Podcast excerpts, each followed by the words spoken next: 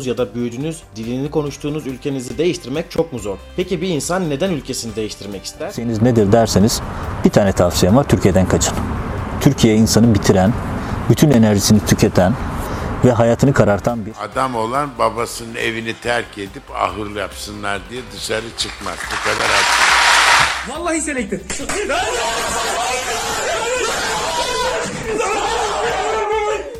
Tamam dedi gençlerin bir kısmı 28 Mayıs seçimlerinin ardından. Artık tamam. Gidiyorum. Arrivederci. Ciao. Bay bay.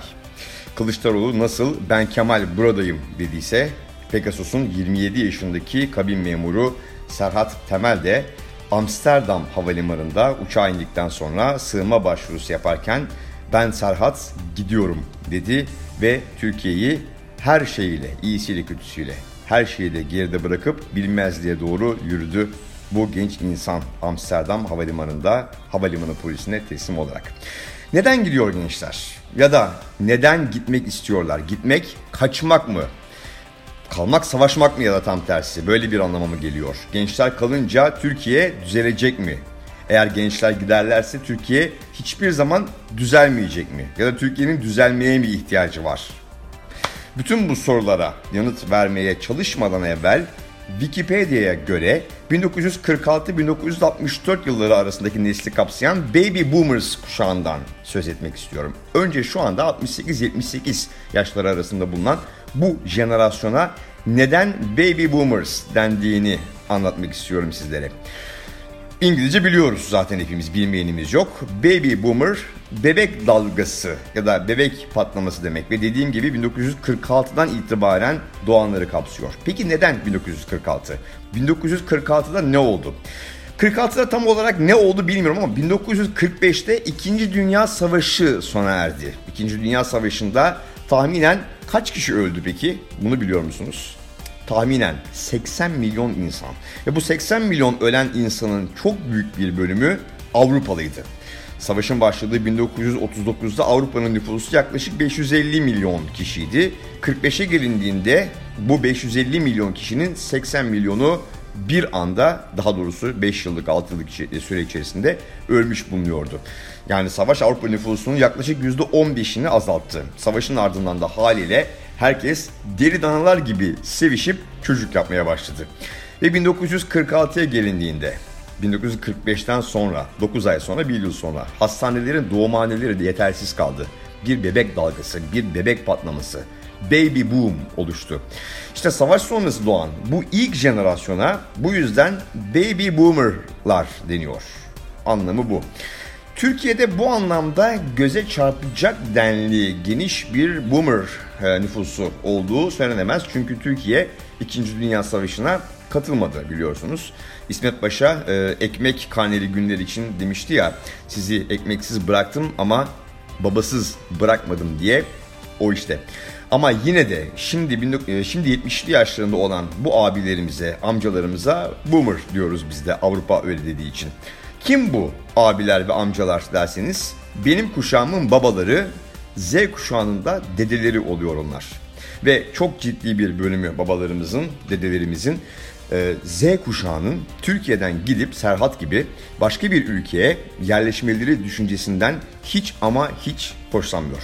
Özellikle hükümete ve başkanlık sistemine muhalif olan büyüklerimiz, boomerlarımız diyorlar ki gitmeyeceksiniz, burada kalacaksınız ve Türkiye'yi düzelteceksiniz. Türkiye'yi tekrar e, düzlüğe çıkaracaksınız. Bunun anlamı ne biliyor musunuz? Biliyorsunuz değil mi? Biz sıçtık, siz kalın da bizim sıçtığımızı bir temizleyin demek bu. Başka hiçbir anlama gelmiyor. Birkaç bölüm evvel ajandada e, ekonomi paraşütsüz düşerken, e, efendim zamlar almış başını giderken, eğitimde, kültürde, sanatta bu kadar dibe vurmuşken toplum olarak neden bu kadar sakiniz diye sormuştuk ve 12 Eylül darbesinden biri yaşananlardan e, konuşmuştuk hatırlayacaksınız. 12 Eylül'ü izleyen sürecin toplumu nasıl tepkisizleştirdiğini, %90'ın üzerinde oy alan 1982 Anayasası'nın insanlar üzerinde nasıl bir baskı rejiminin kurulabilmesine olanak tanıdığını, e, bunun sonucunda nasıl apolitik, eylemsiz, aktivizmden uzak bir cemiyet haline e, geldiğimizi konuşmuştuk. Darbenin olduğu yıl doğanlar oy verme hakkına sahip olduklarında sene 1998 olmuştu. Yani 12 Eylül bu anlattığımız bağlamda e, yapacağını büyük ölçüde yapmış bulunuyordu. Büyük ölçüde diyorum çünkü e, takvimler daha 2020 e, 2002'yi gösterecekti. Erdoğan iktidarı gelecekti ve benim düşünceme göre 12 Eylül'ün hedeflediği gerçek ideolojiyi pratiğe geçirecekti. Ve Erdoğan'ın iktidara geldiği ve bir daha da bırakmadığı 2002 senesinde doğanlar takvimler 2023 senesini yani bu seneyi gösterdiğinde 21 yaşına varmış olacaklardı, vardılar. Şimdi 12 Eylül'ün gölgesinde büyümüş bir Y kuşağı ve Erdoğan'ın gölgesinde büyümüş bir Z kuşağı var elimizde. Bunu tutuyoruz. İki kuşağında çok ama çok ciddi bir bölümü Türkiye'den gitmek, bir başka ülkede hayat kurmak, yaşamak istiyorlar. Onlara gitmeyin demeye kimin hakkı var? Boomerlar bu hakkı kendilerinde görüyorlar. Ancak dediğimiz gibi onların gitmeyin de kurtarın şu memleketi demelerinin anlamı az önce söylediğim gibi biz sıçtık siz kalın da temizleyin şeklinde okunuyor. En azından ben böyle okuyorum. Gidene kal denmez elbette. Bu genel bir kuraldır ama kalacaklarsa da gideceklerse de toplumumuzun bugüne kadar hiçbir e, konuda yapmadığı bir şeyi yapması gerekiyor artık. Hesaplaşma. Geçmişimizde yaşadığımız acılarla, çektiğimiz ıstıraplarla, e, ektiğimiz zulümlerle ve uğradığımız zulümlerle her ikisiyle de. Ama e, hiç ama hiç hesaplaşmadık. Ne 1915'te hesaplaştık ne Kurtuluş Savaşı'nın aslında bir iç savaşı andıran farklı boyutlarıyla. Ne geçmişimizin 700 yılını kapsayan e, imparatorlukla hesaplaşabildik ne de bu imparatorluktan devraldığımız ve kangrenleşmiş konularla. Ne Dersim'le hesaplaşabildik, ne çürüyüp giden 40 kuşayla, ne 6-7 Eylül'le, ne 12 Mart'la, ne Maraş'la, ne Sivas'la, ne Kürt meselesiyle hiçbiriyle hesaplaşmadık. Kol hep kırıldı, yen hep içinde kaldı. Şimdi bütün bu olan bitenin ardından 20-40 yaş arası çocuklarımızın ciddi bir bölümü artık Türkiye'de Türkiye'de kalmak Türk istemiyorlar. Türkiye'yi terk etmek istiyorlar. Bu çocuklar ülkelerini seviyorlar. Hatta belki ülkelerine aşıklar. Ama yeter artık bu aşkın ızdırabını çektiğimiz diyorlar. Ben en azından öyle okuyorum biraz önce söylediğim gibi. Evet, biz hesaplaşma kültürü olmayan bir toplumuz. Biz yaşadıklarımızın üzerine yatıyoruz. Ancak hesaplaşma olmadıkça toplumsal meseleler çözülemiyor.